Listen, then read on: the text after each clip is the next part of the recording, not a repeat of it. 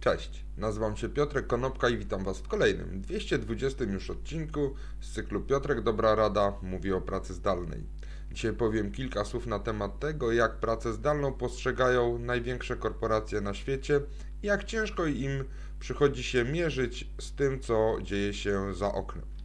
Na konferencji, która była prowadzona przez Credit Suisse Group AG, E, David Solomon, jest to e, prezes Goldman Sachs Group, powiedział następujące zdania.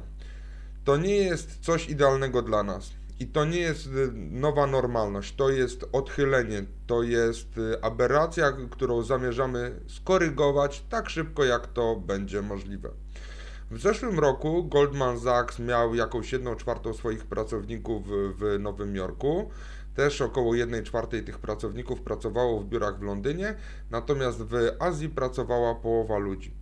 E, ale oczywiście e, jesienno-zimowa sytuacja z koronawirusem spowodowała, że ci pracownicy musieli wrócić do pracy zdalnej. Natomiast Solomon mówi, że to jest tylko rzecz tymczasowa i musimy się skupić na tym, żeby odwrócić ten trend. I e, David Solomon powiedział równocześnie, że nie chce mieć kolejnej grupy ludzi, którzy pojawiają się po raz pierwszy do pracy w swojej pierwszej pracy w Goldman Sachsie w ciągu tego roku i żeby ci ludzie nie mogli pracować zdalnie. Jak widać, firmy, które są mocno zakorzenione w starej gospodarce, które nie akceptują tego nowego y, trybu pracy, chcą właśnie powrotu do starego, takiego stacjonarnego trybu pracy, takiego nazwijmy prawie że XIX-wiecznego.